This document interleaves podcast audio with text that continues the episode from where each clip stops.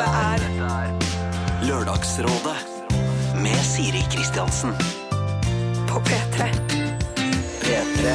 God morgen, du hører på Lørdagsrådet. Jeg heter Siri Kristiansen. Eh, Vi har jo hørt Sia allerede med sin Chandelier. Det er deilig å åpne dagen med det. Eh, Siste eh, sending før sommeren. Jeg er litt i feriemodus rent mentalt. Jeg skal jo bare til Danmark, så det er jo ikke så stor forskjell, egentlig. Jeg kan jo reise de jeg har på meg, eh, vil jeg tro. Men vi skal ha tre fine timer eh, først uansett. Eh, Jeg får besøk av tre herlige damer nå om litt.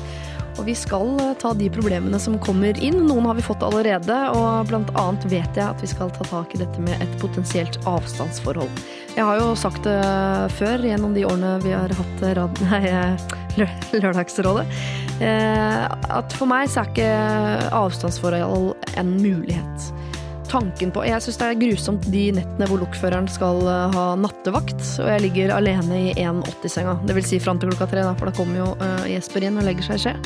Men eh, de nettene hvor jeg på en måte i utgangspunktet har senga alene, så syns jeg det er helt, altså helt forferdelig. Eh, Hele poenget for meg med å ha kjæreste er å ha tilgang til øh, annen kroppsvarme, annen hud. Altså det er, for meg er det en ren sånn øh, fysisk greie som jeg ikke får uh, nok av. Og den får man ikke på Skype eller telefon eller brev eller noe som helst. Så jeg ser ikke for meg at jeg hadde overlevd i et avstandsforhold. Men det er lett å si. Jeg har aldri heller liksom blitt satt overfor problemstillinga. Jeg har aldri hatt en kjæreste som flykter noe sted, eller jeg har aldri flytta noe sted sjæl. Eh, Så kanskje, kanskje hadde nå lokføreren sagt sånn blitt stasjonert i Bodø og skal kjøre eh, Bodø-Trondheim, Bodø-Trondheim, Bodø-Trondheim, og that's it. Så hadde jeg vel ikke gått fra han. Men jeg tror heller ikke jeg hadde flytta til Bodø, dessverre. Jeg har vært i Bodø. For meg er det en stor parkeringsplass med veldig fin natur rundt. Så her er jeg spent på hva rådgiverne har å si, og jeg vet at vi også selvfølgelig skal ta masse andre problemer. Og kanskje tar vi dit. Eh, Da gjenstår det bare for deg å sende det inn på mail. Bruk lralfakrøll.nrk.no. Lørdagsrådet På P3. P3. U2 sin Beautiful Day har eh, vi hørt, eh, og vi skal spole tiden litt tilbake som vanlig. Fordi for ganske, ganske lenge siden så fikk vi en kort mail fra noen som kalte seg for Hyttehipsterne. De skrev alarm, alarm, vi er søster og bror som har hytte på Sjusjøen. Vi sitter her nå og skal planlegge, planlegge oppussing siden vi har overtatt og kjøpt den tradisjonelle familiehytta fra 1960 uten strøm og vann etc. Vi vil ta vare på historien her oppe, men lurer på om vi bør si ja til utbygging av og tilkobling til strøm. Nå har vi gass og stearinlys. Hilsen da disse hyttehipsterne. Eh, Den gang var Ken Vasenius Nilsen rådgiver sammen med Gabrielle og Einar Tørnquist, og du kan jo høre hva vi kom fram til da. Jeg er jo i samme situasjon eh, selv. Jeg har hatt eh, hytte fra Den er fra tidlig 70-tall, men spartansk. Ja. Den har nå fått strøm og eh, ikke vann, men fått strøm. Og Det mener jeg er første Det må man nesten ha. Det Ja. for du vil ikke angre så mye at du tenker Nei, skal jeg ta bort strømmen igjen? Hvis noen har opplevd det, så vil jeg gjerne vite det. Det er jeg nysgjerrig på om noen har gjort. Og den snurredassen kommer nok ikke til å savne den heller når vann kommer. Det tror jeg vi kan alle være enige om. For det blåser litt sånn opp, litt sånn kaldt opp fra en sånn snurredass. det gjør det. Det er forfriskende, det, du. Hvis jeg skulle hatt hytte, jeg var internett der også. jeg. Samme for meg det. Jeg trenger ikke å stikke opp der og koble av. Sånn som, sånn som alle skal. Stikke opp der og koble på. Jeg kan stikke opp der og koble på isteden. Det er veldig deilig å kunne dusje når man er eh, på sånn, for det innebærer gjerne noen skitur og noe liksom svetteting. Ja. Og du kan jo ikke dusje uten vann. Det aller beste med hytte er at du slipper å dusje. Syns jeg er veldig deilig. Jaha. Det er deilig å også, kunne gjøre det. Nei, jeg syns ikke man skal kunne gjøre det, for da burde man gjøre det. Ikke sant? Det er så deilig å ha en unnskyldning sånn. Ja, jeg lukter dritt, men jeg har vært på hytta, skjønner du. Det syns jeg er veldig deilig. Dette er Lørdagsrådet på P3. P3. Nå har det gått eh, ganske lang eh, tid siden eh, dette, men vi har fått en ny mail fra hyttehipsterne, og nå skriver de Hei!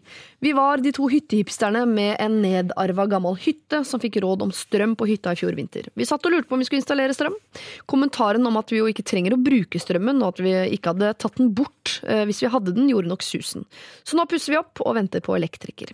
Hyttedilemmaer for unge byfolk er undervurdert, og det er nok rom for rådet hyttespesial. Snart blir jeg eh, den faren med vond rygg, skriver han. Hilsen, nå har han gått fra hyttehipster til å være hyttegjøk på 29. Det er mye rart vi gir dere råd om. Eh, Jeg føler at vi har spleisa folk. Vi har fått folk til å gå fra hverandre, vi har fått folk til å flytte, og i det hele tatt. Og her også. Ny æra innen Lørdagsrådets historie. Vi har fått folk til å tilkoble seg strøm. Det føles godt.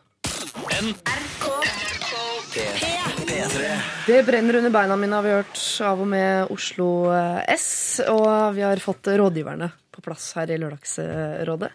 Eh, Det er godt representert eh, fra hele vårt land. Eh, Bergensområdet er her, Ålesundsområdet er her, Oslo-området er her. Eh, Dessverre, skråstrekk kanskje heldigvis, så er ikke sønnen mann representert her i dag. Men det er mer eller mindre tilfeldig. God morgen, programleder, musikkentusiast, sjef Kristin Vincents. God morgen. God morgen. Musikkartist, type pop, Hilde Marie Kjersem. Takk. Takk. God morgen. Eh, programleder, Henriette Brusgaard. Hei. God morgen. God morgen. Eh, Kristin Vincents. Ja. Du har vært sjef nå. Forrige gang du var her, så har du akkurat blitt sjef. Stemmer det? Nå har du vært det litt. Nå har jeg vært det det nærmer seg et år, Er, kanskje. er du grusom sjef? Snill Eh. Jeg tror eh, en ganske Jeg sitter mye på kontoret eh, og holder på med, med ting inni, inni datamaskinen. Jeg tror jeg er ganske snill når når jeg stikker hodet ut av eh, kontoret. Har du noe personalansvar? Eh, Jeg har eh, lederansvar for eh, noen, men ikke et personalansvar. Hva sier de om deg, tror du? Sånn, hun er, sitter bare inne på kontoret og alltid møter og Jeg tror at det blir sagt at altså, for en kvinne med et fantastisk stort hjerte Alltid et lurt smil på lur. Det er det, det er det jeg liker å tenke. ja. Men du har ikke opparbeida noen sånn hersketeknikker eller sånn? Alle har jo sin favoritt. Jeg tror, tror ikke det, altså. Jeg prøver å unngå hersketeknikker så godt jeg kan. Ja. Du kan få en grusom av meg, som jeg brukte mye. Ja, jeg har jobbet på Oslo Taxi. Snakk til folk som om de er barn. Ah. Overforklar og være sånn irriterende hyggelig. Ja, å, du skjønner, nei, men jeg kan forklare deg det, jeg, vet det, for det er ikke så vanskelig når man først tenker på det. Sånn. Det er ganske grusomt å bli utsatt for, men utrolig effektivt. Skal jeg prøve. Mm. Hilde Marie Kjersum, du har byttet navn siden du var her, i hvert fall sånn uh, som artist. Mm -hmm. uh, og nå er det Nå er artistnavnet Marie Munro etter min bestefar Munro Chasham. For det høres så sånn Jeg liker å si Monroe, for jeg tenker, jeg tenker på Marilyn Monroe. Det må være lov å si. Ja, det er helt lov å si det. Ja. Du har tenkt det selv. Ja, men det er veldig mange som har et navn med Munro i seg, som er annerledes, eh, eller som ikke bare er Marilyn Monroe. Eh, Men eh, selvfølgelig, jeg gikk fra å ha et, et utrolig lite artistisk navn, eh, til å ha et eh, til å ha veldig lyst på da, et navn som alle kunne huske. Eh, og da er, er jo, har jo Marie Munro den effekten, da, at eh, kanskje noen til og med blir litt irritert fordi at det ligner på Marilyn Monroe. Ja. Og det tar jeg lang rennafart og driter i. Nei da. Du liker det litt? da har jeg liksom kommet eh, Nei, men da har jeg på en måte Jeg syns jo det er utrolig fint, da, sjøl. og Munro har jo jeg vokst opp med. Navnet bestefaren min het, eh, og han drev konditoriet som var rett over gata for oss. Og vi er liksom oppvokst inne på Munro, heter det. En Henriette Brusgaard. Ja, en ting jeg er nysgjerrig på med deg, er for jeg, eh, når jeg ringte deg i går, så sa du jeg skal på Ina Tricot og kjøpe bikini, for jeg skal på ferie. Og Du reiser i kveld. Riktig. Ja, Italia, Spania. Jeg fant ikke noe bikini, da. Nei. Nei. Så da- utsolgt. Blir det en Da blir det nudiststrand? HM i dag. Ja, Ja. skjønner. Men er det første sånn sydentur med typen? Det andre. Det andre? Mm. Hvordan gikk det forrige? Du, det gikk veldig bra. Ja. Ja, ja. Det er jo alltid en test, det. Det er hovedtesten Det er når man er kjærester. Det Det hadde vært veldig gøy hvis dere bare hadde vært sammen veldig kort, og det allerede var andre Så hadde du dro til Syden for å teste. Ja, det er det vi gjør, liksom. Det var det første booka sydentur sånn etter to uker, da. Ja. For å sjekke ut at dette, at dette var noe. Men da anbefaler jeg kanskje ikke sydentur, men helgetur ganske tidlig i forholdet. Det er lurt for å finne ut er dette et menneske jeg orker å våkne opp sammen med. Ja. Legge meg sammen med. Det Nå er vi samboere, da, så Oi! det er topp stemning, det. Oi, Ja, så det gikk bra i, på, i Syden. Ja, ja. Men du, da kan vi starte det ballet. Vi skal gjennom sivil status. Da har du blitt samboer siden sist. Det har jeg. Med en voksen mann. Ja, han er voksen. Ja, fint. Men fortell litt mer om han, da. Jeg var litt i tvil, faktisk. For han er tre år yngre enn meg. Er han det? Ja. Merker du det? Nei. Nei. Ikke foreløpig. Vi får se om ti år. Si. Han er fotballspiller, ikke sant? Du, nei, det er han ikke. Han har vært det. Oh, ja. Eh, men det? sladrepressen eh, slo jo opp Altså, han er ikke til stede på sosiale medier. Nei. Så da de skulle skrive at jeg hadde fått kjæreste Det er jo der du har lest, regner jeg med. ja, ja. Ja. Så, Nei, var jeg ringte det, moren din. Det var hun som sa det. så var det det eneste bildet de fant, var da han i Follo-drakt for fire år siden. For det fins ikke noe annet bilde av han på nett. Nei. Uh, og så spurte de meg, og jeg svarte jeg, at det er, hva har han vært. Men han er ikke det lenger. Han er byggingeniør i AF-gruppen. Ja. Uh, jobber der fra ni til fire hver dag. Eh, men, men de skrev det likevel, da. Fordi Ja. det høres litt kulere ut. Ja, At to på en måte kjendiser har funnet hverandre. Ikke sant? Skjønner. Men hvor fant du han, da? Ikke på nett, skjønner jeg. Nei, eh, jeg fant han faktisk ute. Ja. Tro det eller ei. ja. Via min fetter, som jeg møtte i, på dette utestedet. Ja. eh, Som han da kjente. Via fotballmiljøet, vel å merke. Mm. For min fetter er fotballspiller. Å ja. ja. Da har vi løst eh, mysteriet. Ja. Uh, Hilde Marie, jeg vet jo også at du har kjæreste, for at jeg har sett deg og kjæresten din på TV. Fikk pussa opp leiligheten deres. Det gikk i reprise her om dagen. Det håper jeg du setter pris på. Eh, er det noe nytt, eller på Vi- sivilstatusfronten? Nei, altså vi er fortsatt samboere, og nå i dag har jeg rett og slett vaska meg ut av leiligheten og gitt nøkkelen til en fotograf som skulle ta bilder av den. Ja. For vi skal flytte i september. Det er bra. Men hvorfor flytter dere? Fordi vi, eh, vi eh, har eh, kjøpt oss så, veldig mange klær som vi ikke har plass til i Er det sant? Det er kjempemorsomt hvis det er grunnen. Nei, vi har det. Nei, nå må Hilde Maria ha walk-in closet, så der er det å vaske seg ut og bestille fotograf. Nei, vi har, eh, vi har lyst på litt større plass der, vet du. Ja. Sånn som folk, Sånn som folk har. De har man noe, så har man lyst på noe mer, liksom. Ja. Men, men siden dere har kjøpt så mange klær, har dere kjøpt klær som passer dere som par? Jeg så et sånt intervju med Jon Arne Riise hvor han fortalte at han eh, med sin nye kone de, altså Han måtte jo skifte ut hele garderoben slik at uh, den passet de som par, det han har i, i skapene. Ja, også- Tenker dere på det? Vi gjør ofte det. Eh, vi, vi går ofte i stil, da, som vi kaller altså, Vi står i stil til hverandre, tenker vi mye på. Men har dere ikke sånn Marilyn Monroe-stil, da? Jeg syns jeg husker at Dere har jo litt sånn amerikansk diner-stil hjemme i huset deres. Å nei, det har vi faktisk ikke. Det har jeg veldig eh, eh, eh, Hva heter det? Aversjoner. Ja. Ja, ja. Jeg synes det var litt sånn milkshake-interiør i den leiligheten deres. Nei, da er det noen andre. Var det rockabilly, da? Litt sånn Nei, det er nok sveisen hans du er tenker på. Ja, for sveisen hans, den, Ja. den ser litt ut som en diner. Eller, Eller en milkshake. Den, den, den ser ut som en milkshake. Den minner om en milkshake og en diner. Men Den- på en måte er det jo litt rart at du har aversjoner mot den stilen, og så har du en kjæreste med rockabilly-sveis. Ja, men han, det er bare sveisen. Og Det er ikke resten av gubben. Han har ikke sånn sto, høy opprett på olabuksen og sånn. Ikke i det hele tatt. Ikke høy bukse, ikke bukseseler, ikke hatt. Nei. Uh, Spiller ikke kontrabass. ikke bowler. Så bra. Ikke. Bra Men han ser ut som en diner. Det, det kan yes. man jo leve med. Ja, det kan du lett leve med. Jeg syns heller egentlig at han er litt mer sånn Lucky Luke, da. Men det det går liksom litt over i hverandre, de to. Ja. Lucky Luke-type med en sånn milkshake-sveis. Yes. Ja. Frist, fristende fyr. Eh, Hva med deg, Kristin? Er det noe Ikke noe nytt på den fronten. Det vil si at det fortsatt bare er ett navn på postkassen. Men jeg har flyttet og fått med balkong. Det er jo eh, deilige nyheter. Ja, nytt liv sitter ute på balkongen. Eh, ingen kjæreste i sikte foreløpig. Det er veldig få menn som dukker opp på dette kontoret hvor jeg sitter store deler av døgnet. Men eh, jeg skal i noen bryllup i sommer. Det blir jo fint. der har jeg hørt at folk ligger sammen. Og- det? Ja, ja, ja, ja, ja. Ja, I kulissene der skjer det mye rart. Men eh, Kanskje jeg skal legge med selen eh, foran disse bryllupene, altså, rett og slett. hvordan type mann er det du ser for deg? Eh, snill og grei. Snill og grei. Ikke farlig og spennende. Ikke farlig og spennende. Det er jo min er anbefaling. Finn, finn en lokfører. Fine folk. Ja, rett og slett en lokfører tror jeg hadde vært eh, på sin plass. Eller, en, i- eller en i byggebransjen kan jeg anbefale. Ah, Litt sånn handy fyr. Eller en med milkshakesveis. Det høres også utrolig spennende ut, da. Så der er det litt å... veldig, veldig nå, nå føler jeg at jeg har fått litt å velge i. Ja. Kan ikke finne en handy lokfører med milkshake-sveis, da.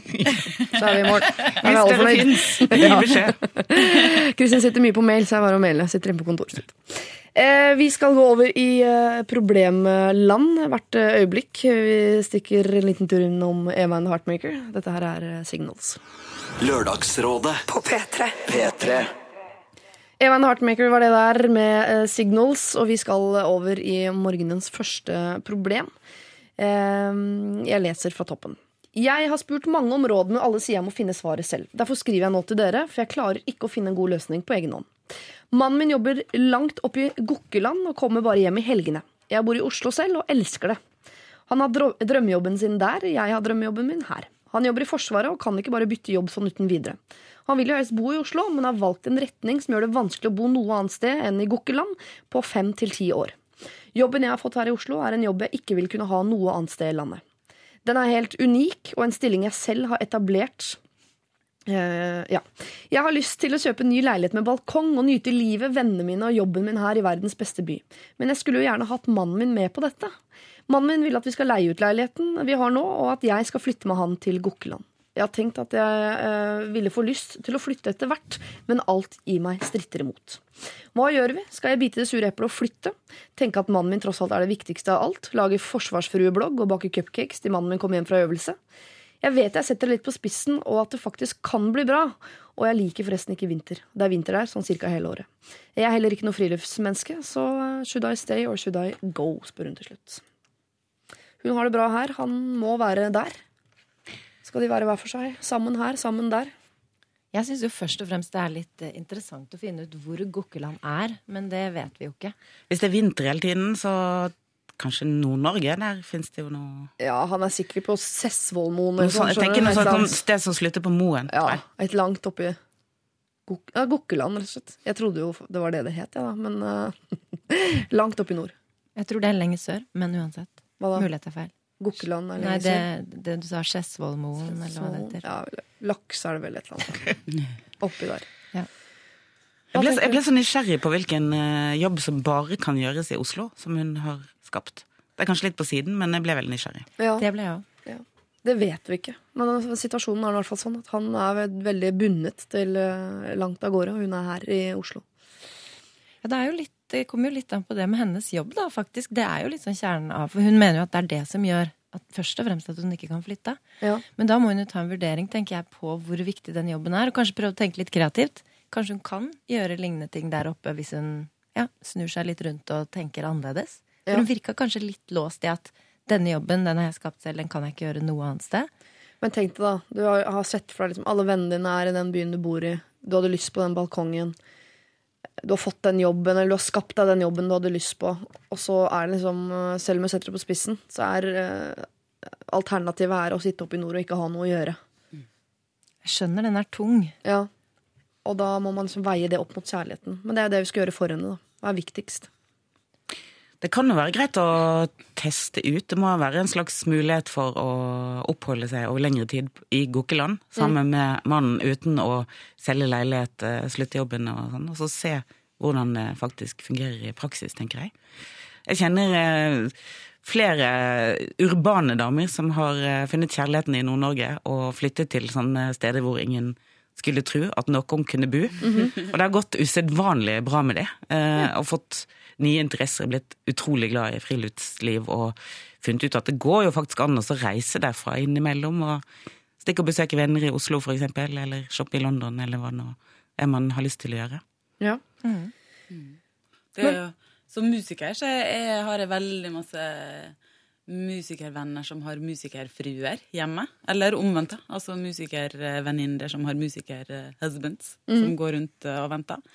Og det jeg vet ikke, altså jeg tror man må bare ha en slags innstilling da, på at enten så funker det, eller så funker ikke det. Jeg tror ikke man kan, tror ikke man kan liksom gå rundt og, og eh, liksom alltid bebreide den andre for at du bor der oppe, eller jeg bor her nede, eller Altså hvis, hvis de skal få det til å funke, og de må nødt til å bo i hver sin by, i hvert fall, tenker jeg, eh, hvis man tar den problemstillinga, så må de i hvert fall innstille seg på at sånn er det, og det valget har vi tatt. Og så kan de på en måte ikke drive og sure seg for det, fordi da blir det bare en sånn symptomatisk eh, eh, ond sirkel, Ja. eh, tenker jeg.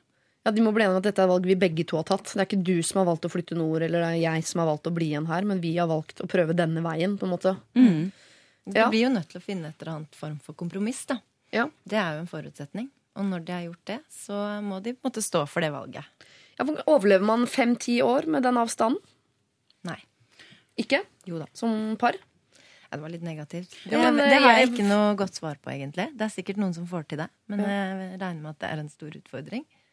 Ja, for jeg hadde ikke For meg er det å være sammen, er å være sammen. Ja.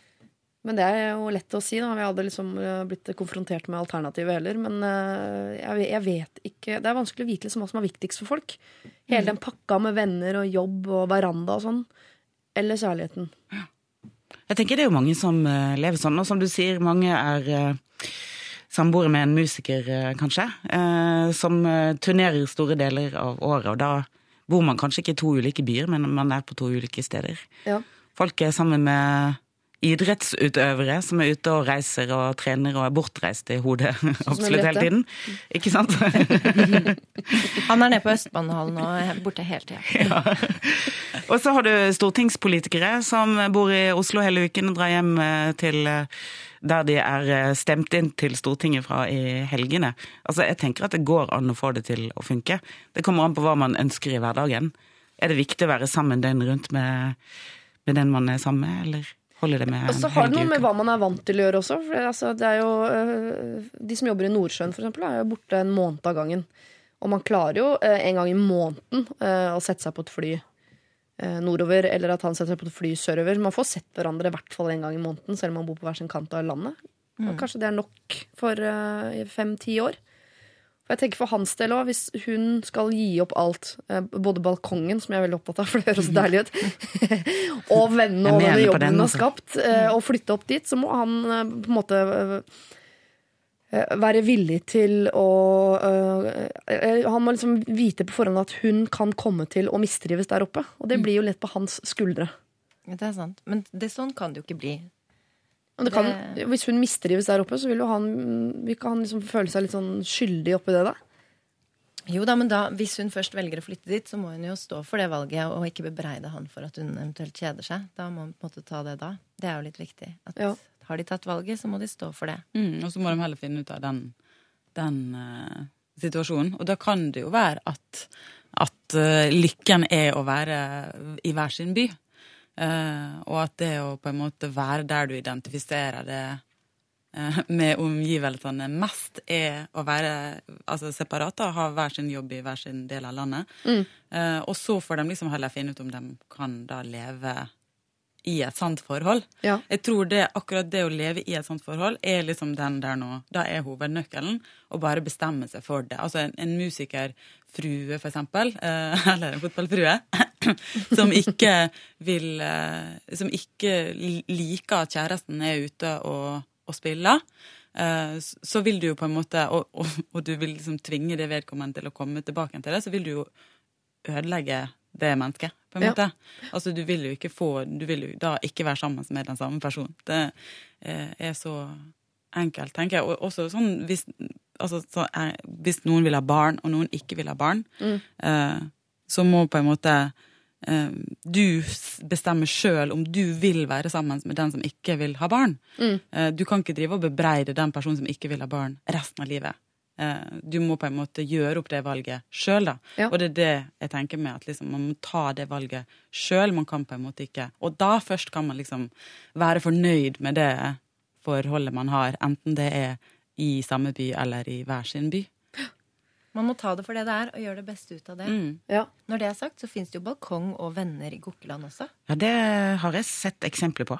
Hva skal man med balkong hvis det er vinter hele året?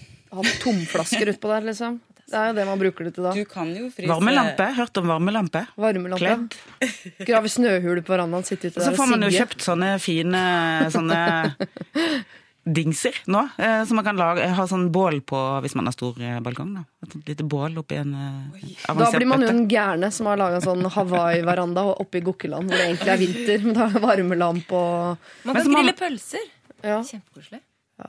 Men hvis, eh, hvis man skal se liksom langt ut i fremtiden, hva er, kommer man til å angre på? Hvis dette her er den store kjærligheten, var det det at man valgte balkongen fremfor mannen? Eller eh, Viktig, viktig. Ja. fordi at uh, han kommer jo til å være ferdig der en eller annen gang. Og Ja. da kan de jo flytte et annet sted hvor uh, de kan ha balkong på flere balkong. sider av huset. Ja, ja, ja. Sammen. Jeg mener jo, jeg, jeg har alltid sagt at jeg syns kjærlighet er viktigere enn eh, vennskap. Men da var ikke det med balkong og jobb i potten, så da må jeg gjøre opp et regnskap rent sånn privat før jeg svarer på det. For min egen del. Men det jeg syns jeg hører her, er at uh, uansett hvilket valg dere tar, så må dere være enige om at det er et valg dere har tatt. Eh, Men det valget må dere ikke ta nå. Kan du ikke dra en tur opp til nord da, for en lengre periode, en måned eller så, og se om du faktisk trives? Men da må du gå inn og prøve å trives. Du kan ikke dra opp dit med sånn eh, surt cupcake-fjes og på en måte allerede eh, på flyplassen har bestemt deg for at dette blir dritt. Eh, de har ikke veranda engang, aktig. Dra opp og prøv eh, om det funker. Og hvis ikke det funker, så må dere to bli enige om at dere skal prøve å få det til å fungere på hver deres kant av landet. Mange får det til hele tiden, så det har faktisk, som alle her sier, kun med innstillingen å gjøre. Lykke til! Dette er P3. Pow Pow var det med Alpha Waves her i Lørdagsrådet. Og jeg tenkte jeg skulle spørre dagens rådgivere om noe, som jo er Kristin Vincents, eh, Henriette Brutsgaard og eh, Hilde Marie Kjerstem. Eller da eh, Marie Monroe, som jeg velger å si. Fordi det er så eksotisk. eh, har dere liksom noe i familien deres som er sånn hellig? Sånn, det der stiller dere opp på uansett hva. En sånn årlig begivenhet. Er det grei? Kunne du dratt til Syden eh, på julaften, for eksempel, Hilde Marie? Eller er det noe sånn et samlende greie som alle må? Uh, nei, det er ikke det, altså. Lenger. Nei. Ikke en årlig grillfest, ingenting som alle da kommer fettere og kusiner og alt. Nei. Nei, det er ikke det. Vi hadde vel kanskje Altså litt sånn når bestemor levde, at vi, vi kunne samles til hennes eh, evenement. Eller Ja, bursdager og- liksom. Ja. Ja. Uh, at, men, men vi er veldig spredd for alle vinder, altså. Min Ja. familie.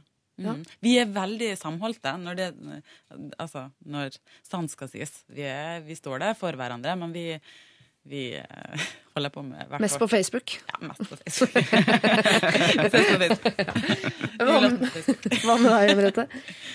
Jeg vil eh, trekke fram eh, vår årlige torsk- og lefsefest. med fettere og kusiner og onkler og tanter. Det er gøy at hun fra Oslo har denne tradisjonen. Hva er dette?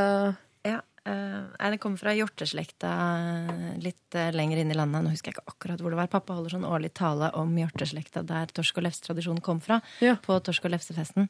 Men nå husker jeg faktisk ikke akkurat hvor dette er. Det var litt flaut. Ja. Men uansett, ja, da spiser vi torsk. Eh, fersk torsk inni lefse med smør. Eh, pakker det sammen. eh, Slafser i oss, og det er lov å søle, for det gjorde bestefar. Ja. Og så drikker vi akevitt og juleøl. Og så synger vi masse sanger. Når på året er dette? Det er sånn ca. 16.-17. desember. Alt ettersom hvilke altså, vinter- Når helgen eh, Ja, når, eh, når det er helg. Uh, og hvilken dato det faller på. Men uh, ja, Så det er skikkelig stas. Og det er litt sånn at man dropper det meste for å være med på. Uh, jeg vurderer en sånn desemberreise nå. Og så kom jeg på at fader, det er jo torsk og lefse. Ja. Og han nye typen, vet du. Ja. Han kom jo akkurat inn da Altså, vi ble sammen da det var torsk og lefse i fjor. Litt før det. Ja, Eh, Men da var det liksom for tidlig til å ta ned på torsk og lefse. Så det er dumt hvis jeg nå skal gå glipp av enda en torsk og lefse. Enig. Så det er mulig at vi må dra etter torsk og lefse. Men Hvor arrangeres torsk og lefse? Det er hos onkel og tanten min I Oslo? i Oslo. Ja. I Professor Dahls gate. Ja. Proffen, som vi kaller det. Ja. Det høres innmari ut som sånn Finnskogen-arrangement. Nei, det er eh, torsk og lefse i Proffen. Herregud, Det er kjempegøy. jeg fikk litt lyst til å være med. Ja, det er veldig gøy. Er det noe, har du noen single menn i familien? Det er mulig å Du, vet du hva? Fetteren min har faktisk akkurat blitt singel. Ja. Mm. Jeg forventet jeg blir det, òg, da. Eh, Stemmer det. Det. Du, du, du var så overbevisende, så jeg bare jo, det er eh, hva med deg, Kristin? Vi har ingen eh, torsk- og lefsebegivenhet. Oh, det blir vel litt som eh, vi fra vestkysten. Vi, vi møtes eh, gjerne og har det hyggelig sammen. Men vi har ingen eh, fast eh, Vincents festival som Nei. eh, folk stiller opp på. Du reiser jo ikke hjem til jul engang.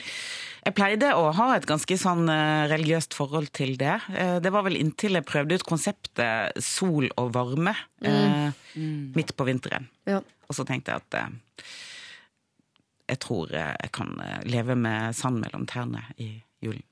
Ja, det året jeg spiste hummer og drakk Baileys på julaften på Lanzarote. Det var ikke, Jeg savna ikke Jeg savna ikke lutefisk da, for å si det sånn. Det Men jeg har jo begynt å dra til varmere strøk etter torsk og lefse. Så da får jeg med meg både torsk og lefse og varmere strøk. Men så Det- det Torsk og lefse er viktigere enn julaften, hører jeg du Ja, sier nå. Faktisk. Mye viktigere enn julaften. Kanskje jeg skulle innført noe sånt i familien min. Eh, noe lignende konsept eh, litt før jul. Så kan alle bare møtes da, og hvis man har noen gaver i hverandre, så kan man gjøre det. Ja. Og så kan de som har lyst til det, dra til et sted hvor solen skinner.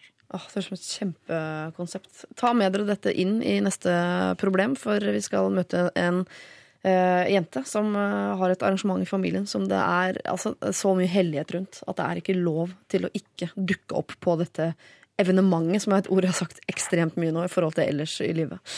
Eh, vi skal holde innom Kave og Onkel P først, og deres eh, snufs. Og husk det, da, du som hører på, at hvis du har et problem, så send det for all del inn til oss på mail. Eller alfakrøll.nrk.no. P3. Lørdagsrådet. På P3. Kave og Onkel P altså med sin uh, snufs. Og vi skal ikke ta med oss så mye av den låta inn i neste problem, selv om vi skal til et uh, nytt party. Eh, vi har allerede blitt enige om at eh, oss imellom her eh, så er det bare du, Henriette Brusgaard, som har et sånt familieevenement som man må gå på en gang i året. Torsk og lefse. Hilde Marie Kjersheim har ikke noe sånn. Møtes mest på Facebook.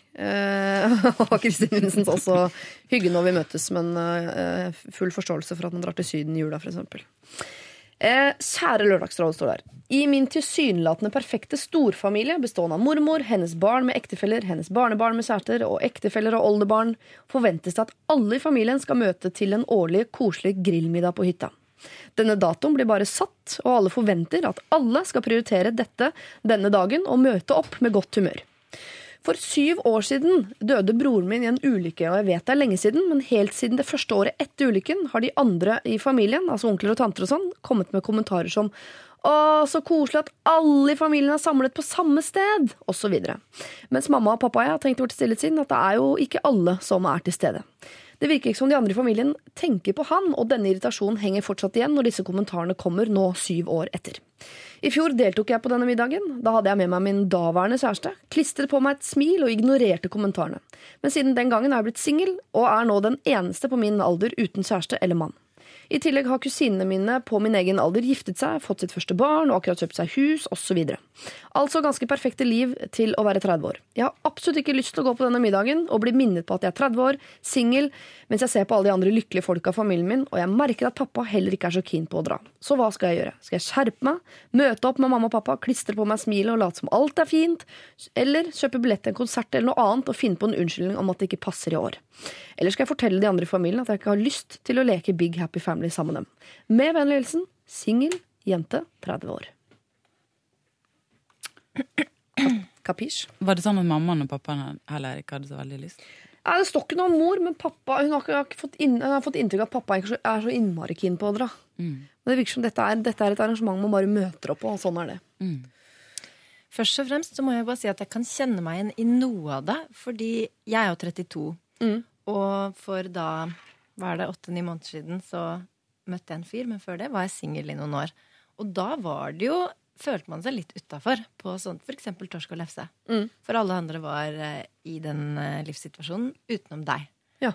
Og da var det jo litt sånn Du kjente litt på det. Men jeg valgte å bare ikke tenke på det, og heller kose meg med dette familieevenementet. Fordi jeg klarte faktisk å tenke såpass langt at dette her er en unik ting, og familie er noe du har for resten av livet, og det er fantastisk. Og på et eller annet tidspunkt så kommer du nok sannsynligvis til å være her med kjæreste og ha det kjempefint eh, selv. Ja. Så det skjer jo veldig ofte. eh, Og det er jo Det kan virke påtatt, eh, men sånn i, i, i det store og det hele så føler jeg at det er en veldig positiv ting. Og når det gjelder det at de altså glemmer å kommentere broren din, hvis jeg skal snakke til deg som har problemet, så tror jeg ikke de mener det. Det jeg, jeg tror heller det sikkert er et forsøk på å um, Altså deres eh, forsøk, kanskje håpløst i dine ører, men på å bare ha det hyggelig og, og leve videre. Er ikke det det felles rare behovet vi har for å, å, å komme oss ut av en situasjon som egentlig er litt sånn eh, klein, bare fordi det er noen følelser oppi der som vi ikke vet helt hvordan vi skal snakke om, så har vi en tendens til å bare på et litt sånn keitete vis glatte over med noen uh, håpløse kommentarer. Det, er, vel- det er vel kanskje det som foregår i familien. Det er ikke det at de har glemt eller gir faen eller Jeg er sikker på at alle tenker på det intenst, og så prøver de å glatte over. Og så burde de kanskje bare si ja, la oss først eh, minnes han. Uh, bare, bare, bare si det, fordi folk er så redde for at noen skal jeg vet ikke, brekke sammen eller gråte eller et eller annet. Ja. Eh, så jeg tror at det, det er bare sånn klossete forsøk på at nå skal vi ha det hyggelig, og så snakker vi ikke om det vanskelige. Er det lov, jeg bare, En tanke som dukket opp nå. Er det lov for eh, singel jente 30 år her, mor og far? For de er jo enige om at det er en som mangler. Og jeg håper at de ikke har problemer med å snakke om det. Kanskje de skal ha et sånt lite sånn minigrillfest kvelden i forveien eller tidligere på dagen for den saks skyld. Kjøre innom et gatekjøkkengrill eller hva søren på veien ned. Og ta en sånn Nå eh, minnes vi eh, han som gikk bort. og så, eh, og så legger vi det bak oss for resten av eh, helgen, og så drar vi på grillfest og hygger oss. Eller så tror jeg familien ville, ville tatt godt imot at for eksempel da, eh, singel jente 30 år klirrer på glass og sier Kan vi ikke ta en skål for, eller ta et minutts stillhet for, eller som Eller holde en tale om eh, broren, da. Ja. Eh, eller hva hun måtte ønske. Det tror jeg familien sikkert hadde syntes vært kjempehyggelig. Ja, Det kan være de vil synes det er deilig at å, ha en som turte å, å snakke om det greiene der som vi prøver å glatte over med noe sånt. Har vi det ikke hyggelig, folkens? Ja. ja, ja. ja. Ripssaft på flaske der borte. Ja, for det er litt sånn Hun må tenke at hun er den store, for det er en kjent sak at folk som ikke har opplevd sånne ting selv, blir jo satt ut og vet ikke hvordan de skal håndtere det. Så må, da må man på en måte bare være den sterke og si at hei, vi kan jo snakke om denne og det merker man jo bare i begravelse. Det er mye, altså, det er mye av stemningen der som er den eh, triste stemningen, men det er også en god prosent av stemningen i, et, eh, i en begravelse som er sånn Ingen vet hva de skal si. Ingen orker å se hverandre i øynene. Gruer seg til den derre Skal jeg bare si kondolerer? Skal jeg si noe mer? Alle går. Så det der, eh, den der intense følelsesgreia i en begravelse, der er det mye av det som går på den der eh, keitete sånn Hva gjør jeg nå?-stemninga. Men eh, eh, hvis vi går litt bort fra det et lite øyeblikk og hun har jo ikke, Det er jo flere grunner til at hun ikke vil gå på den grillfesten. Jeg tenker, altså lik, Liker hun den familien sin? Fordi altså jeg er jo singel, men jeg har jo ingenting imot og Hvis jeg skulle bare vært sammen med andre single i min situasjon, så hadde jo livet blitt ganske grått og trist. Altså Ja. Selv om hun er 30 år og singel, så kan jeg se for meg at det går an å ha det hyggelig sammen med familie allikevel. Um, kanskje, det, det virker som en litt sånn underliggende greie med at det, kanskje ikke de festene er det som gjør henne glad. Nei, for Hun åpner med min tilsynelatende perfekte storfamilie. Har ikke lyst til å leke Big Happy Family. Så det virker jo ikke som det er liksom en gjeng hun gleder seg sånn intenst til å være sammen med.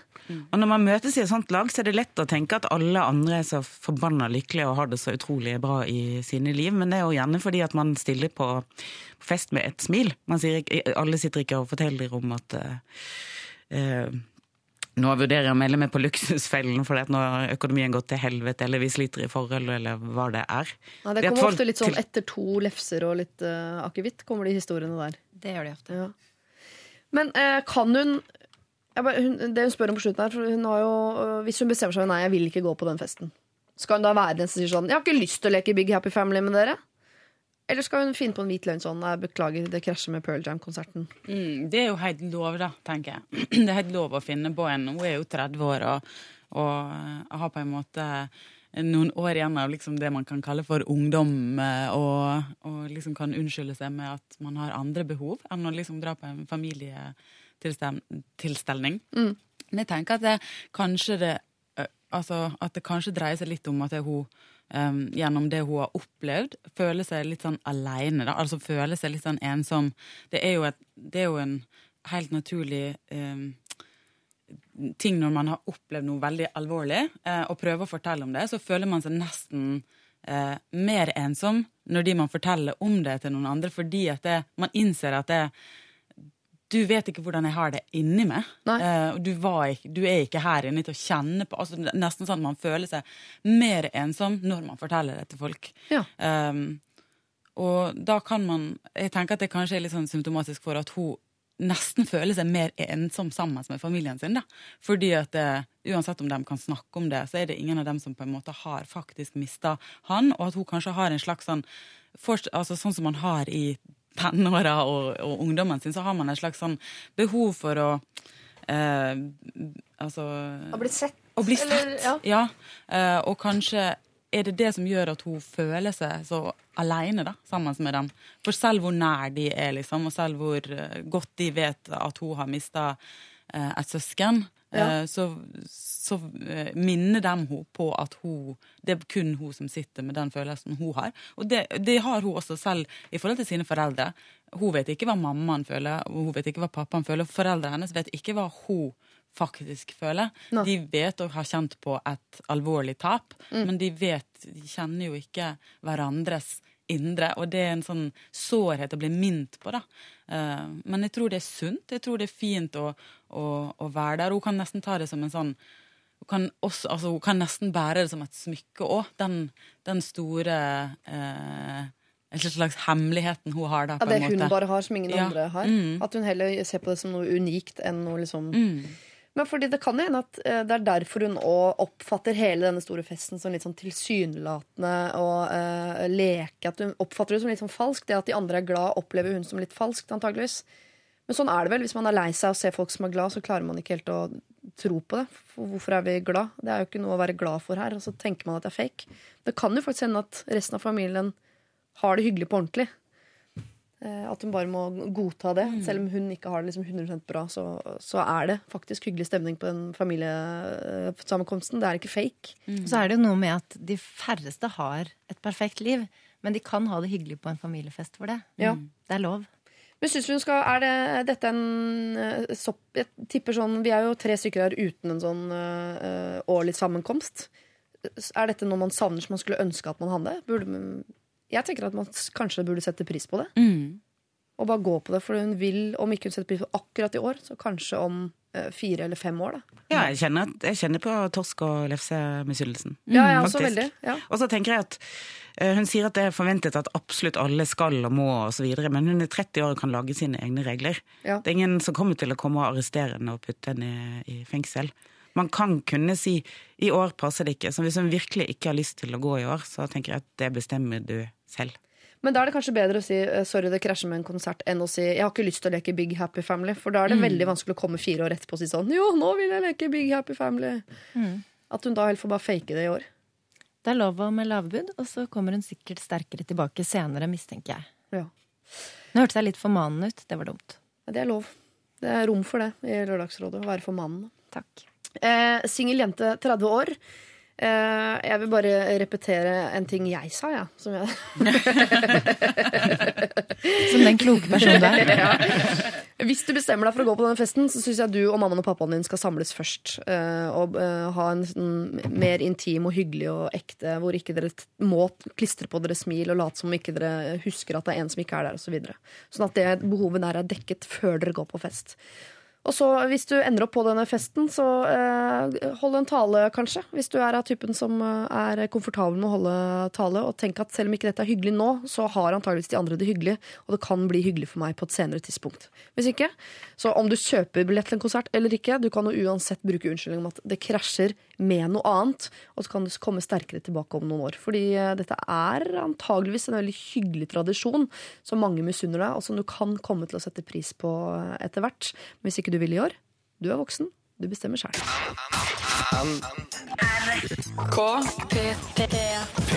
P3. When Something Ends synger hun eh, Matilda, og før det var det eh, gode, gamle Narls Barkley med sin eh, Crazy, som jeg jo aller mest forbinder med Idol, da eh, han aller, aller kjedeligste vinneren av dem alle sang den på audition. Til de andre Idol-fans der ute, dere er med meg i denne anekdoten. Til dere andre, sorry.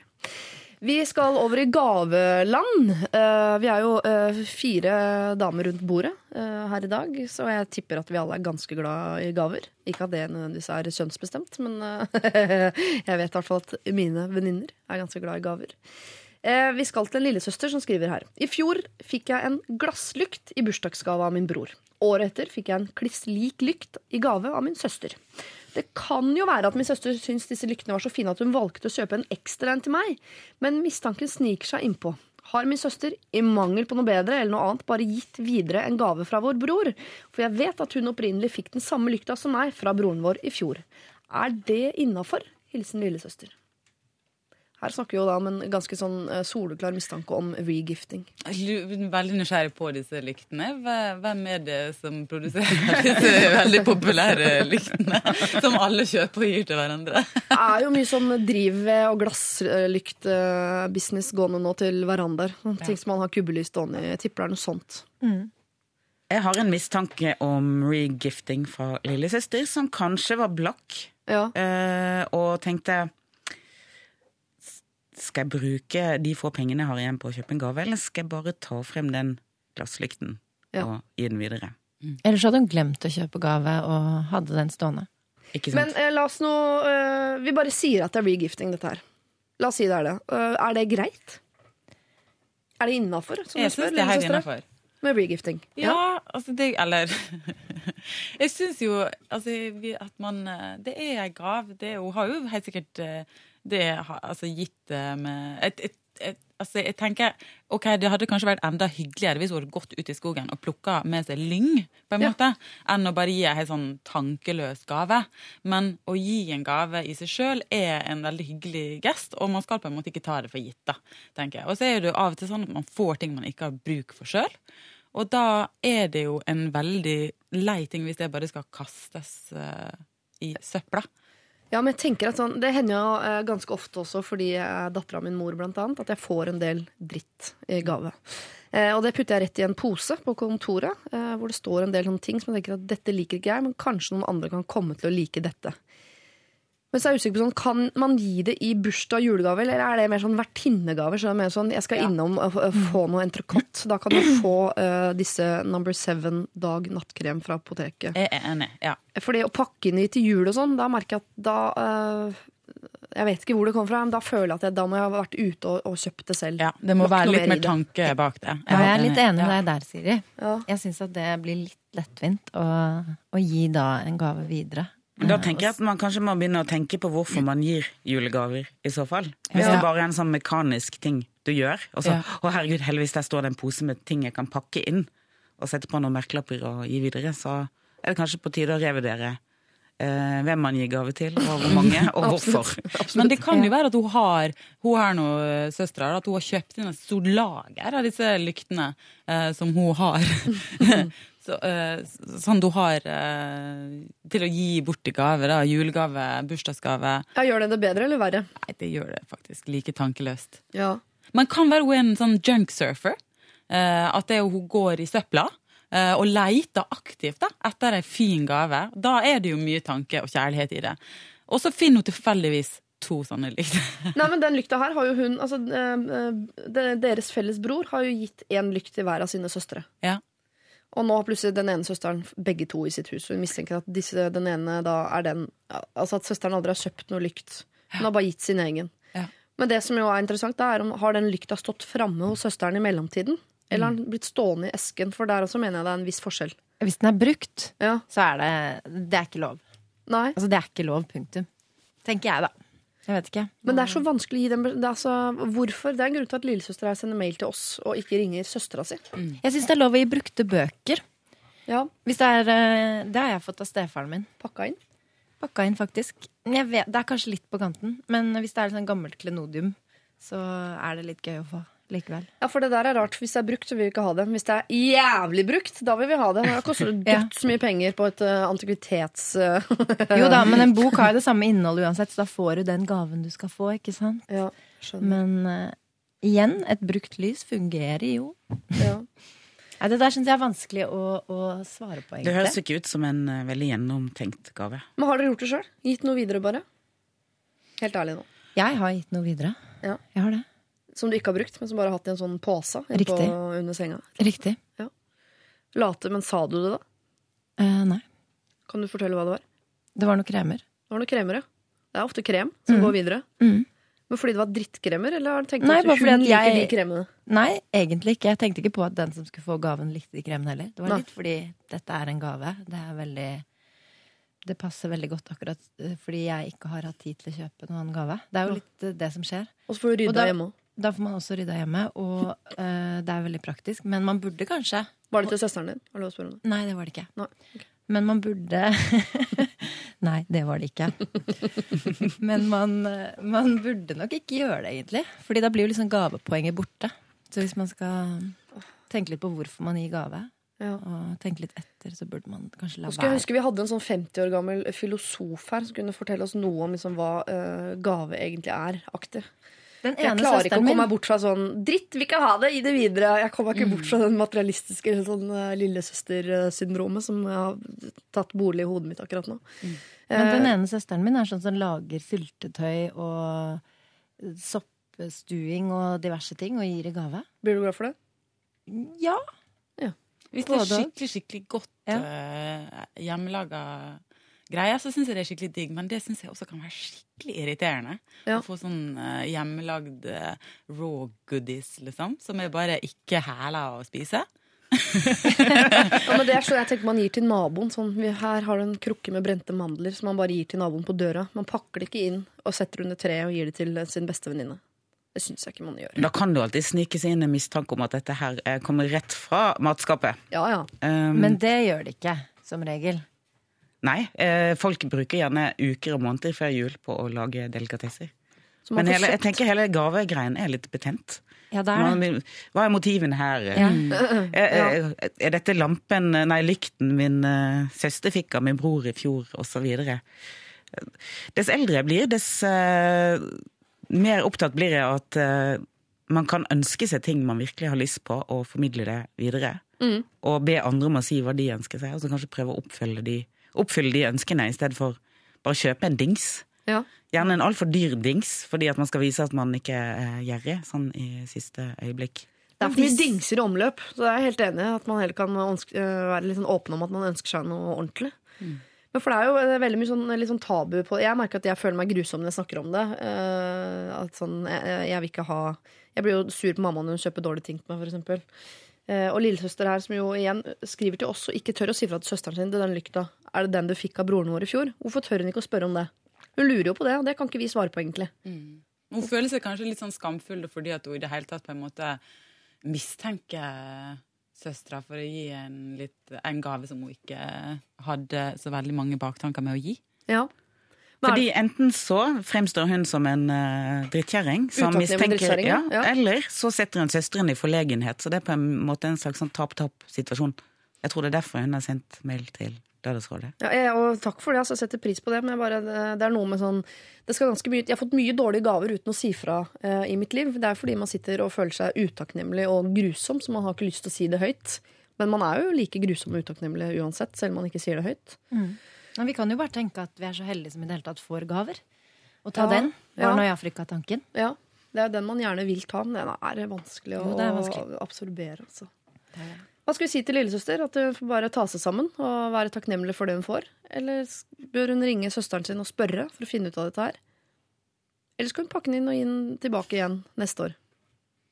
Jeg syns hun skal pakke den inn og gi den tilbake neste år. Ja.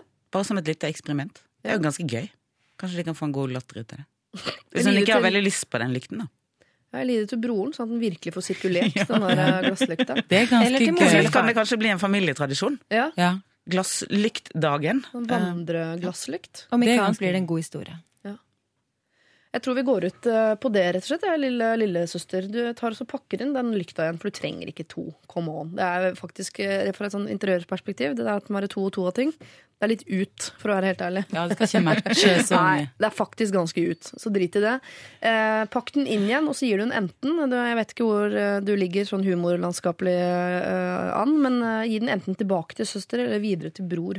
Og se om dette her blir en sånn vandrende glasslykt innad i familien. Kanskje det er sånn ti år etterpå, så driver de fortsatt og gir den lykta til hverandre. Rundt og rundt. Det er Hvem får glasslykta i år? år? Ja. Ja. Jeg liker den tanken. ja. Jeg liker den selv, og da har du gjort om smålighet til humor. Det er ganske fiffig. Gratulerer. Til oss, egentlig, da. Lørdagsrådet på P3. Maja Vik ute med ny låt. 'Fighter' heter den. Jeg håper du likte den. Eh, liker du den, Kristin Vincents? Ja. Ja. Jeg har spilt den i mitt eget program på P13. Og så valgte den ut som en av uh, babyene. En av de eh, fine nye låtene man bør lytte til. Jeg liker den godt. En av de 7000 låtene dere liker borti P13. Vi liker, vi liker flere enn det, altså. Får aldri nok av musikk. Du er rådgiver i dag sammen med Hilde Marie Kjersem og Henriette Brusgaard. eh, Og vi skal eh, hjelpe en som kaller seg for Brent barn skyr ild. 26 år, men det er ikke så betent som det høres ut som. For elleve år siden var jeg på språkreise i England og nytte tre innholdsrike uker i en engelsk småby. Jeg hadde kanskje tidenes hyggeligste vertsfamilie med mor, far og to døtre som jeg holdt kontakten med siden. Jeg har ved flere anledninger blitt invitert tilbake til familien gjennom den stødige, dog noe sporadiske kontakten vi har. Eh, I vår dro jeg tilbake sammen med en kompis. Det var akkurat like hyggelig som eh, for elleve år siden, og vi gjorde masse gøy og mimret om tiden som var. Ganske raskt ble jeg ganske, eller veldig, betatt av den yngste jenta i familien. Hun er 24. Etter jeg dro hjem, har vi holdt kontakten og skypet hver dag. Og hun har sagt at hun liker meg. Jeg har medgitt det samme til henne. Alt det der er altså ryddet av veien. Problemet er bare at jeg er veldig usikker på hvor mye jeg skal gi av meg selv til alt dette. Skal jeg kjøre på og satse på kjærligheten som i en overfladisk Westlife-sang, eller skal jeg sette på bremsen?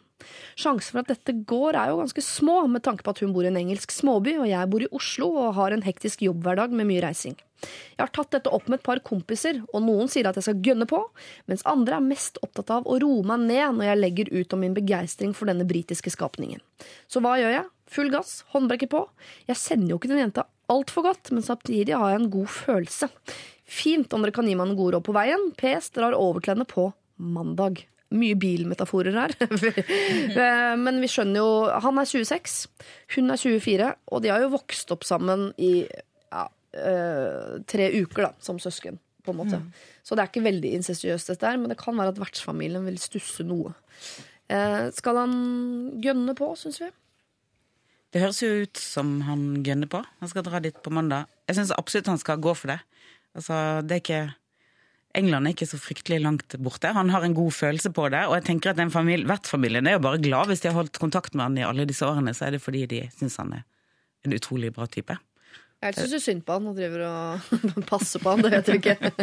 La oss gå ut fra at han er en hyggelig fyr. Så mye empati finner du ikke på britiske øyene. Nei, det er sant. Det er sant. Nei, men Det er jo ikke sånn at kjærligheten eh, vokser på trær. Så hvis dette er eh, greia, så syns jeg også han skal gå for det. Ja. Absolutt. Han må jo prøve. Man må ta sjanser. Så, hvorfor er det han problematiserer det? Er det fordi han føler ansvar for at hvis han gønner på, så har han ansvar for en 24 år gammel uh, landsens jente i Oslo sentrum? Kanskje, men eh, altså, sjansene er store for å lykkes i Oslo sentrum. Ofte, jeg kjenner jo mange briter i Oslo, og de sliter jo ofte med å lære seg norsk, fordi nordmenn er så sykt glade i å snakke engelsk at Ja. de får jo ikke øvd seg. Eh, så, og du kan jo få jobb i Oslo uten å eh, kunne Spørre snakke norsk, ja. så lenge du snakker engelsk. Det er nok av puber og serveringssteder hvor folk bare snakker engelsk, f.eks. Ja. Ja, for Hvis du først skal få en utenlandsk kjæreste til Norge, så tenker jeg at å få en brite på 24 er jo, må jo være mye lettere enn å for få en voksen mann fra Ghana til å tilpasse seg. Ja. Men det kan gå, det også. Absolutt. Eh, Men jeg tenker jo at eh, forutsetningen er der for at man skal kunne lykkes. Og ikke minst at han kan jo flytte til England og ha det fint her. Han kjenner jo familien til og med. Så sånn sett så er det jo ikke så mange barrierer som det kanskje kan være for andre som får seg en utenlandsk kjæreste. Da. Det er mye altså, ja, mange ting som ligger til rette for at det kan fungere. Han sjøl problematiserer jo egentlig ikke i mailen her dette med at hun på en måte er en del av vertsfamilien hans. Selv om jeg tipper at det også er, er noe av det som gjør det litt corny. Fordi han ville jo ikke ha sendt sånn Ja, men en jente på 24 og jeg er 26, skal jeg gønne på? Det øh, ville vært en litt sånn rar ting å spørre om, nesten. Eh, Så det kan jo være at han føler litt sånn Føler litt på det derre søstergreiene. Jeg har også vært på språkreise i en småby i England, og jeg var der i tre uker. Og jeg hadde ikke hatt noe problem med å eventuelt reise tilbake og blitt sammen med sønnen i huset der fordi jeg følte at det var liksom familiebånd der. Nei. Det, jeg føler ikke at det er et problem engang, jeg. Det vil Nei. jeg. Du tenker ikke at foreldrene ville tenkt sånn Oi, så rart, hun derre Henriette som var her på språkreise, har plutselig stikket av med yngstesønnen vår. Har eh, dratt med seg over til Norge, og der blir han. Takk skal du ha. Jeg tror de heller hadde tenkt jøss, så hyggelig for sønnen vår, da. Ja, det tror jeg med. Ja. Altså, det, altså, er jo ikke, det er jo ikke sånn at hun er 16 år. Hun er jo 24 år. Hun er jo liksom ei ganske voksen dame. Det høres ut som. Og at hun kommer fra en engelsk småby. Jeg ser ikke helt at det er noe problem. Nei. Hva er han er redd for, da? Det kan jo være, altså Jeg vet ikke hvor seriøs han er, men han har en god følelse. Er det bare å gønne på? Han bruker ord som det, så det betyr jo at han kanskje ser på dette som en potensiell eh, wife to be, da. Eller man trenger jo ikke gifte Kanskje seg. det er det. Kanskje det er det at Men liksom kanskje han er ikke tar det helt for, seriøst. eh, Altså, eller, jeg vet ikke om han er der. Kanskje han bare syns hun er, altså, er betatt og er litt usikker på om det er noe vits å involvere seg veldig mye. men Ja, men Det spørsmålet må jo stille seg uansett hvem man møter. tenker Ja, jeg. det er noe Ja. det. Jeg tenker at han kanskje bare spør fordi at det, han skjønner at i det øyeblikket han inviterer henne over hit, så har han gjort noe ganske drastisk. Da. Ja. På en måte, da bør han kanskje være ganske mye mer sikker enn han er nå. Men det trenger han egentlig ikke å være, tenker jeg. Man må liksom nødt til å prøve ut ting. Man får aldri prøvd det ut. eh, altså det, det blir på en måte ikke noe bedre om de holder på sånn som de holder på nå i et halvt år, ett år, og så flytter hun hit, eller han flytter dit, eh, og så funka ikke det. altså for da, man på en måte, da har man bare brukt opp og sløst bort tida. Så bare sett i gang. Kjør på. Det trenger ikke å være, trenger ikke å vite svaret på eh, avslutninga her. Nei. Jeg skjønner at han tenker at det er mer alvorlig det der med å dra til England og besøke eller få henne på besøk hit, enn å bare stikke ned på den lokale puben på date, liksom. Så virker det plutselig litt mer sånn eh, Som et større steg, rett og slett, da. Men kanskje han eh, har en viss bekymring for at hvis dette her ikke funker, så mister han kanskje muligens kontakten med denne familien han tydeligvis har eh, knyttet sterke bånd til. da. Ja. Men Hvis ikke du kan legge det i potten for å finne kjærligheten, da fortjener man det nesten ikke, tenker jeg. Eventuelt kan han jo bare booke en sydentur. Sjekke ut om det funker. Ja. Og hvis det ikke funker, så er det bare å droppe det. At de to ikke drar til verken England eller Norge, men til et nøytralt land. Mm. i Syden. Det er Men det er det du finner ut på onsdag. Da. Bare sånn, Herregud, for et jævla nek. Ja, men Og du så kan ta en kort chartertur. liksom. Seks dagers charter. Er Ja. ikke det en pakka? Høres ut som en pakke for meg. Vi har en eh, pakke til deg her, vi. Eh, Brent barn skyr ild. Hvorfor kaller den seg Brent barn skyr ild? Altså, har, du, har, har du prøvd deg på andre 24 år gammel britisk jenter fra landet, og så har det gått dårlig? Eller hva? Jeg har vært på flere Har du- språkreiser. Har du flere har vertsfamilier, eller hva, hva mener du? Kan, kanskje han har gønnet på tidligere Har du, forsøk på forhold, at det ikke funket? har du glemt å sette på håndbrekket tidligere i livet? Er det det du prøver å si? Nei, vet du hva, Her er vi veldig imot håndbrekk. Ja, fortsett uh, ja. Ta en bakkestart. Dra til Syden. Sjekk det ut. Kløtsjen inn, uh, taket av og er full gass.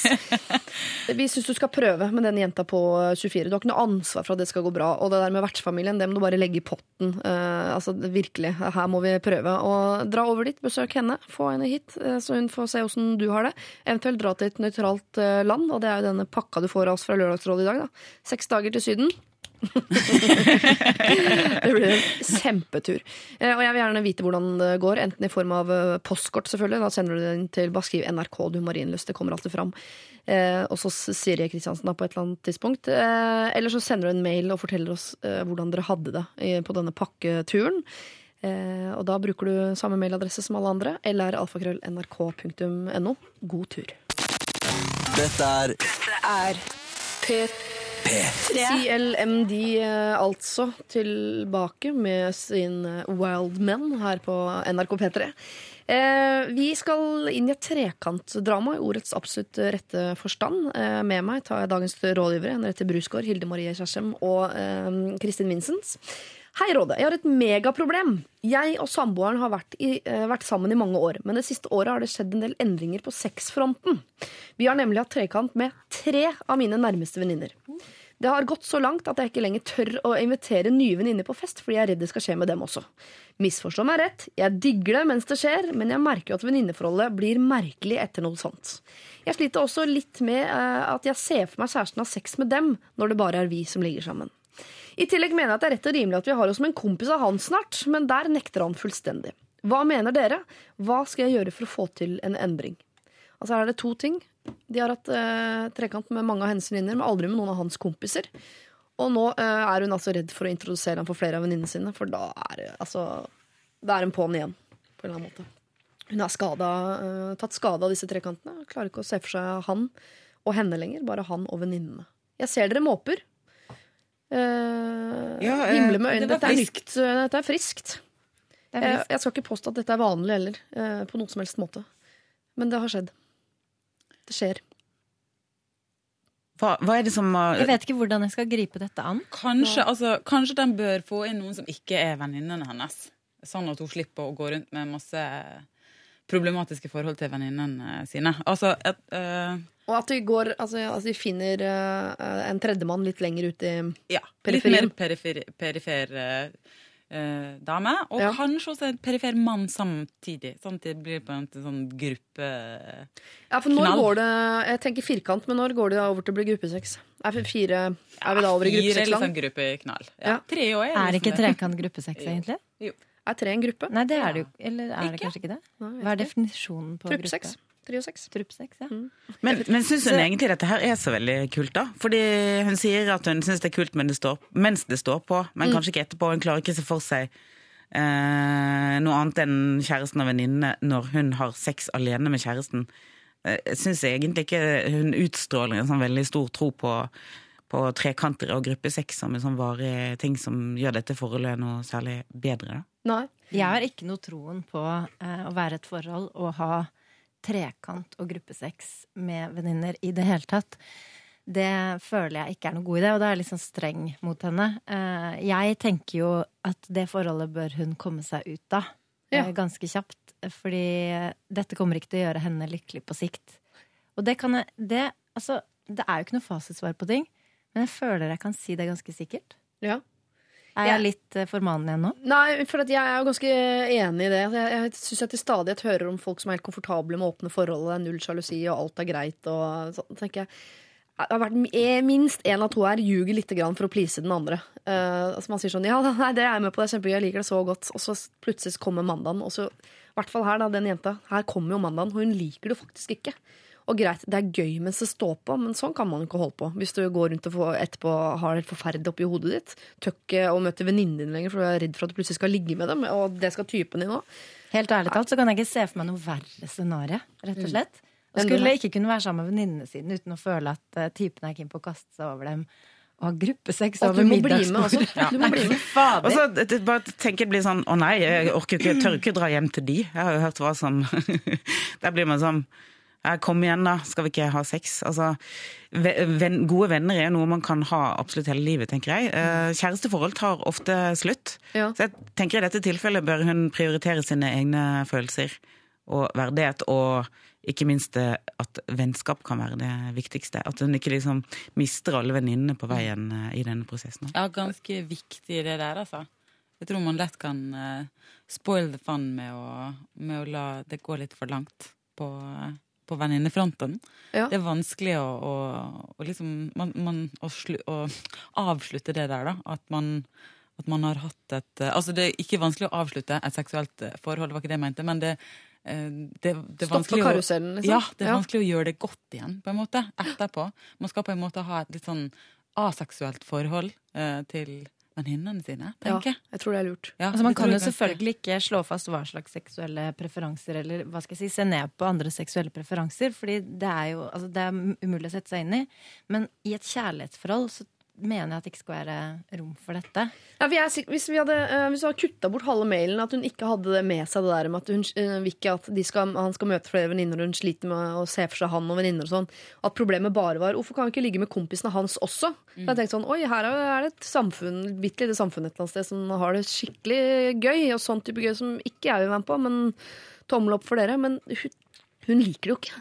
Altså, Nei, altså, det, det høres ut som det har kommet ut av kontroll. Hvis hun er redd for at han skal møte nye venninner, for da blir det plutselig gruppesex, så har jo ikke hun kontroll over livet og situasjonen i det hele tatt, tenker jeg. Og jeg, er nysgjerrig på den vendingen her også, for jeg kan skjønne at det er, én er en til i gjengen som er sånn som blir med på den moroa der. Men at tre av venninnene dine syns jeg er greit å bli med på trekka, da tenker, hvor har dere møtt hverandre, egentlig? Ja, det er det jeg også tenker. Hvem er disse venninnene? For en og- gjeng! Ja. Er disse barndomsvenner, for eksempel? Ja, de må ha vært, ja, vi har blitt venner på en eller annen folkeskole. Det føler jeg meg ganske trygg på. Ja, det tror jeg. Litt sånn, uh... Kanskje det er klassen fra folkehøyskolen som rett og slett bare fortsetter der de Er det Romerike folkeskole, eller? Kan jo Kan være. være. Ja, de har ikke felles barndomsminner, i hvert fall. Nei, det tror jeg ikke. Det har de ikke, altså, for det hadde blitt rart.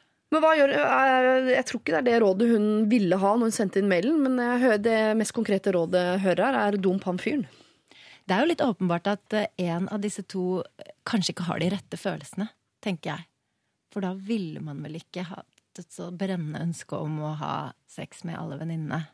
Ja, det høres ut som dette er noe hun blir med på for å holde på han, og så er det jo gøy mens du står på, og så, øh, så gjør det vondt etterpå. Jeg tenker, hvis du først er der at du kan ha sex med venninnene dine, og så gjør det, da, så bring inn noen andre kule folk. Ikke bring kjærligheten inn i det greiene der. Da må du være singel, du ligge rundt med venninnene dine og andre, andre folk. Møt en kompisgjeng, da. Gjør det til en kjempefest, eller hva. Det skal ikke jeg legge meg opp i hva dere driver med der, men ikke bring kjærligheten inn i det. Det tror jeg bare er tull. Helt enig. Helt enig. Man, eh, nei, man får ikke til å kombinere det. Jeg har ikke trua på de greiene dere driver med. Kan ikke se for meg noe happy ending her, altså. Ikke jeg heller. Sorry, kjære deg. Det er sikkert hardt å få sånn rett i fleisen, men jeg tror du får ikke reparert det der du er, for nå har du de bildene i hodet. De blir der. Det som ikke skal bli der, det er han eh, typen. Eh, Ikke fordi jeg sier at han er liksom slemme, dette er noe begge har vært med på, og dere har sikkert tatt det valget begge to, og blei det ble hatt det hyggelig underveis og sånn. Men dere to dere kan faktisk ikke være sammen. Jeg tror det forholdet der er litt eh, ødelagt. Eh, Og nå forventer jeg en eller annen sint mail fra en sånn eh, frimodig fyr fra Trøndelag som skal skrive sånn 'Nå må du kutte ut, det her går så fint, jeg holdt på sånn hele tida'. Den mailen tar jeg. Jeg mener jeg står fortsatt på mitt om at det forholdet der, det er ikke liv laga. Din oppgave blir å gjøre det slutt. Lykke til. Lørdagsrådet på P3.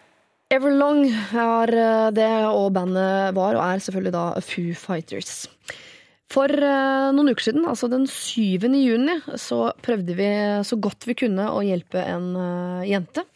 Eh, Som var forelsket i en kompis eh, som hun trodde hun skulle overnatte hos. Men når hun kom dit, så viste det at de var hjemme i leiligheten til en fremmed jente som denne kompisen hadde tenkt å ligge med den kvelden. Selv fikk hun et pledd og ble henvist til sofaen. Der lå hun altså da hele natten og hørte på at den hun trodde hun var på dealeren med, lå og hadde seg ganske høylytt med en annen jente.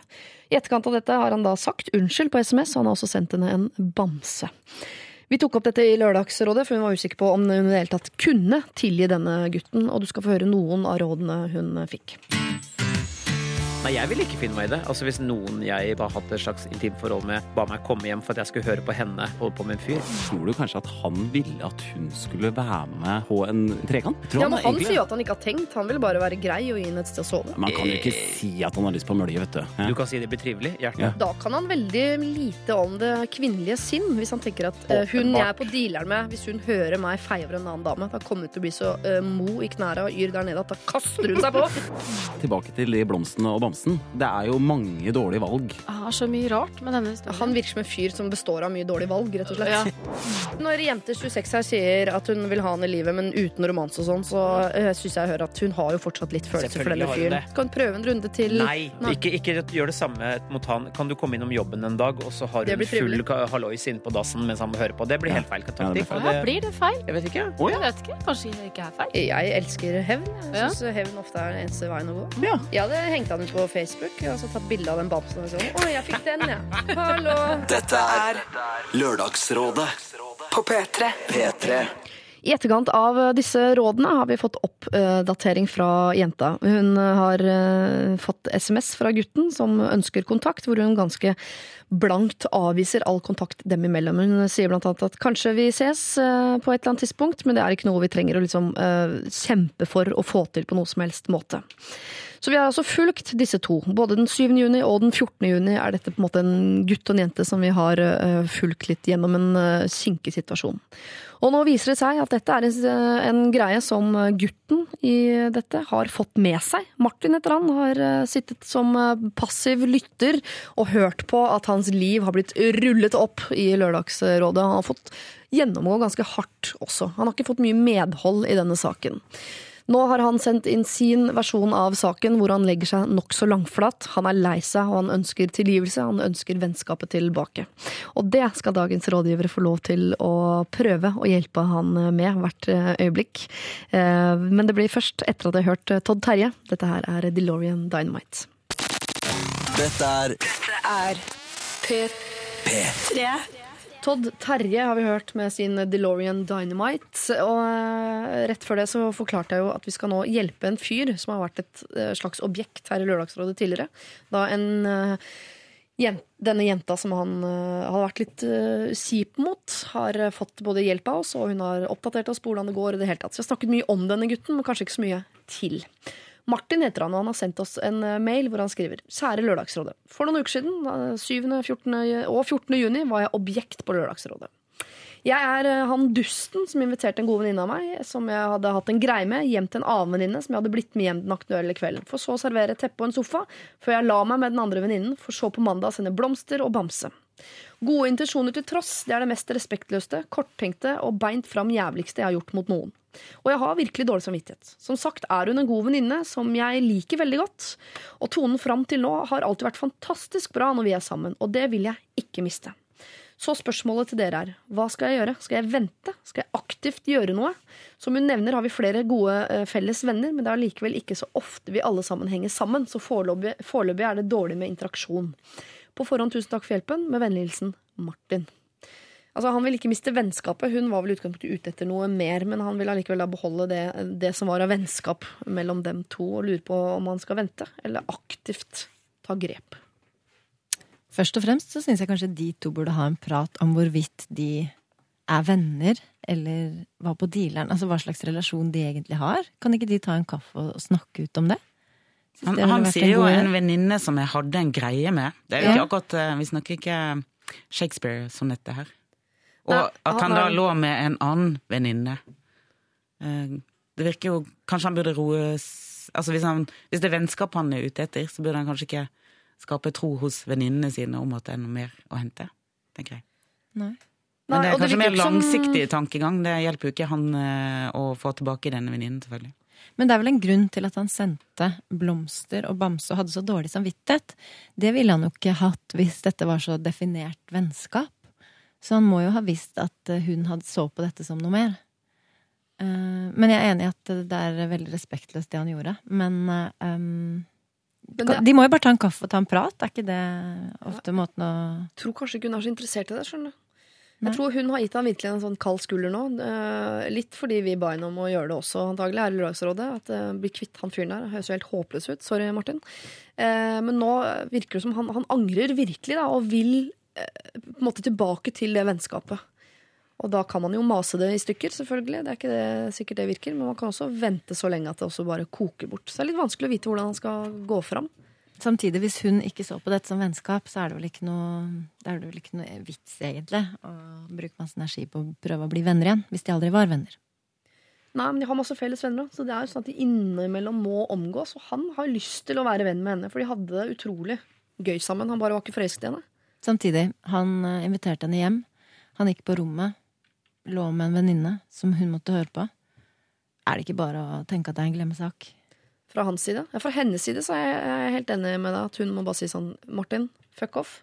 Jo, men fra hans side også. Bare greit. Da, da, gjorde, da, Ja, jeg er da var det det. Jeg tenker at han må tenke at nå har jeg altså jeg har bæsja på leggen, jeg driter meg ut. Sånt gjør man ikke mot venner. Jeg mistet denne vennen. Eh, og så kan han eh, oppføre seg som en, eh, en god venn. Så kanskje eh, en vakker dag at de to kan ta opp igjen kontakten når hun ikke føler eh, de greiene foran som hun tydeligvis eh, har gjort. Eller kanskje ikke. Men det er bare en av de der leksene man må lære seg her i livet, tenker jeg. Jeg tenker også det, også, Selv om de møtes på de vennefestene, så er det en del av den, eh, den kjipe greia han har utsatt noen andre for. Sånn er det å være menneske. Du, det er ikke bare det er ikke bare å si unnskyld, og så skal alt være kjempebra etterpå. Du må faktisk kjenne litt på den kjipheten det var å gjøre noe så kjipt, og da kanskje du lærer noe av det. Ja. Men så dere tenker at de har antageligvis ikke vært så gode venner som han skal ha det til, for da ville han ikke ha gjort de greiene mot henne i utgangspunktet. Så han overvurderer det vennskapet litt, eller? Som han påstår at de har hatt. Jeg tenker at det er en slags unnskyldning som han bruker nå. Ja. At han sier at vi var så veldig gode venner for å på en måte eh, skjule litt det at han har gitt henne noen intensjoner, eller altså noen falske intensjoner. Ja. Eh, og så kan han lene seg etterpå på at han, ja, men han trodde bare at det var et eh, vennskap. En sånn Friends with benefits-opplegg, Mhm. kanskje? Ja. I hvert fall Typisk for den ene parten, da, tydeligvis her. Men så han skal ikke aktivt gjøre noe nå. Han må på en måte bare stå i den dritutmyra han står i, og håpe på at hun på sikt kanskje kan eh, se han i et bedre lys, og så ta opp igjen tråden der. Ikke liksom pushe det noe mer nå enn han allerede har gjort, med disse blomstene og den bamsen og den Og, dette, altså, og nå sitter vi og snakker om han i Lørdagsrådet, Ja. og kanskje hun uh, hører på og skjønner at han er, virkelig lei seg. Ja. Men uh, nå må han sette strek og gå videre, tenker jeg. Vi kan jo hjelpe deg såpass, da, Martin, og si det, bare poengtere det nok en gang, at uh, hvis du hører på eh, Martin er skikkelig lei seg. Så da har vi i hvert fall sagt det. Jeg oppfatter at Martin her uh, angrer veldig. At han har vært keitete både i det han har gjort som var dumt, og i det han har gjort uh, etterpå. Men samtidig, jeg, må, jeg lar dere ikke slippe unna så lett, altså, for jeg er en litt sånn eh, jeg syns folk for lett gir opp ting hvis noen har sagt Både i kjærligheten og her i vennskapet hva det skal være. Hvis noen har sagt sånn Nei, det kan du bare glemme. Syns jeg folk er litt for kjappe på sånn Ja vel. Og godta det. Jeg har veldig respekt for de som ikke, eh, som ikke godtar den kalde skulderen og på en måte er helt sånn ærlig i sin eh, Nei, jeg, vil virkelig dette, eh, så jeg kommer til å jobbe for å få dette til. Skjønner du hva jeg mener? At ikke, for det er veldig typisk sånn Ja, nå har jeg sagt unnskyld, og du sier eh, det hjelper ikke. Ja, da gidder ikke jeg. Nå er det din tur til å ringe. Man blir jo fort gå rett i stolthetsfella.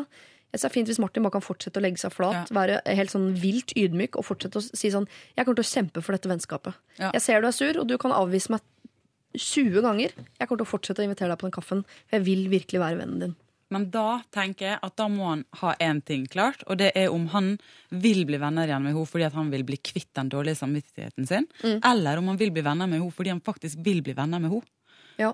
For den intensjonen er rein, og da skal han få lov, for guds skyld, å stå på og gjøre det. liksom. Det er ingenting som er kulere enn det. Jobb for det, liksom. Mm. Uh, og få henne tilbake igjen, jenta og venninna di, liksom.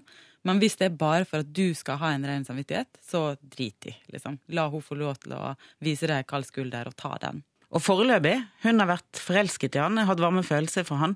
Det hun trenger nå, er jo ikke at han står oppi ansiktet hennes hele tiden og sier 'vi skal være venner, venner, venner'. Altså, gi gi en litt tid, så kanskje de kan plukke opp igjen vennskapet på et senere tidspunkt. Ja. Tenker jeg. Martin, her føler jeg vi har gjort eh, det vi kan, og litt til, egentlig. Vi har nå formidlet at du er virkelig eh, lei deg. Jeg tror du må gi henne litt grann tid, for hun har nok hatt noen andre følelser enn det du eh, har. Men samtidig, hvis det er som Hilde Marie her sier, at intensjonen er at jeg savner venninnen min, og det, er, det viktigste for meg i hele verden er at vi er venner, vet du hva, så må du brette opp armene og virkelig gjøre en jobb. Men da må du tåle å få døra så innmari i trynet mange, mange ganger. Det er ikke lov med noe stolthet eh, oppi dette her. Her er det kun ydmykhet og standhaft standhaftigelse. Er det et ord vi kan bruke? Vi bruker det. Ja, vi bruker det. Det er i hvert fall noe du må ha mye av i den eh, prosessen hvis du eh, velger den. Men da må du gjennomføre den. Så det er en jobb å gjøre. Lykke til, eh, Martin. Eh, Dere har jo blitt liksom en del av familien vår dere nå. Vi følger dere opp til stadighet. Så noe sier meg at vi også på andre siden av sommeren kommer til å ha noe med hverandre å gjøre. Lørdagsrådet på P3. Cameron sammen med A-Track og låta Deep Shits har vi hørt. Så før det Mr. Probs med sin Waves, Wave, som jo nærmest blitt en eh, ny nasjonalsang her til lands. Vi skal dele ut en T-skjorte, folkens. Eh, Jeg skal gå gjennom kjapt hvem det er som er kandidater eh, i dag, for jeg forventer faktisk ikke at dere husker så langt som tre timer tilbake. Gokkeland startet vi. Vi var et eh, potensielt avstandsforhold hvor jenta i forholdet skriver inn og lurer på om hun skal kutte ut venner, veranda, egen jobb og flytte til langt, langt, langt opp i nord for å være sammen med sin kjæreste, som har fått jobb der og ikke muligheten til å flytte på seg. Vi har vært innom en eh, grillfest, altså en årlig begivenhet hvor det forventes at alle i familien stiller opp. Singel jente på 30 var ikke så fysen på å dra dit i år, litt fordi hun ikke ville leke Big Happy Family. Eh, vi har vært innom en fyr som lurte på om bare skulle gønne på. Altså, han hadde blitt forelska i den yngste jenta i en familie som hadde vært hans vertsfamilie på landet i England for mange år siden. Nå hadde de funnet tonen, skypet i en måned, og han lurte på om han skulle liksom, eh, kjøre på og prøve, prøve ut hun her jenta for fullt. Glasslykt på vandring har vi vært innom. En lillesøster som har fått en glasslykt av sin storesøster. Antar at det er snakk om regifting. Eh, og da var vel tipset at hun skulle fortsette å regifte, helt til det ble en litt artig spøk innad i familien. Eh, trekantdrama har vi hatt. Så er vel det problemet vi har mest i stuss over. Altså en, et par som har hatt trekant med tre av hennes venninner. Så nå er hun jo redd for å introdusere ham for nye venninner. Hvor mange skal vi ligge med egentlig, og når skal vi begynne å ligge med dine kompiser? Og det hele tatt. Jeg fikk beskjed om å dumpe han. Eh, Det blir interessant å se om hun gjør. Eh, Vi har eh, også hjulpet Martin, som har skrevet inn til oss. Han er så lei seg, for han har vært ordentlig kjip mot en jente vi har hjulpet tidligere her i Lørdagsrådet. Nå vil han si unnskyld for alltid og ha henne tilbake som venn. Ja, det kan hende at du får til, Martin, selv om vi tror det er en lang vei å gå. Eh, Så har vært innom eh, dette med når en ny kasse åpner i butikken. Eh, Er det de bakerste i køen som skal smette fram og plutselig være først, eller er det de første i køen som skal smette bakover og bli først i en annen kø, eller er det de i midten? Hvordan skal vi løse dette her? Hvem av disse tenker dere at hadde trengt en T-skjorte, og hvorfor? Jeg tenker kanskje hun, hun som skal i familieselskapet. Ja. Som allerede føler seg litt sånn utafor. Altså, som kanskje sånn plaster på såret for å gå i det. Fordi vi heier jo egentlig litt på etter å ha hørt Henriette fortelle om torsk og lefse. Som alle vi skal være med på 17. desember i år, Henriette. Ja, vi Gleder meg gleder oss til det. Uh, og vi uh, andre som sitter her, vi, uh, vi har ikke et sånt familiebegivenhet i hvert år. Nei. Og har blitt såpass voksne at det vi ser at det hadde vært veldig hyggelig. da.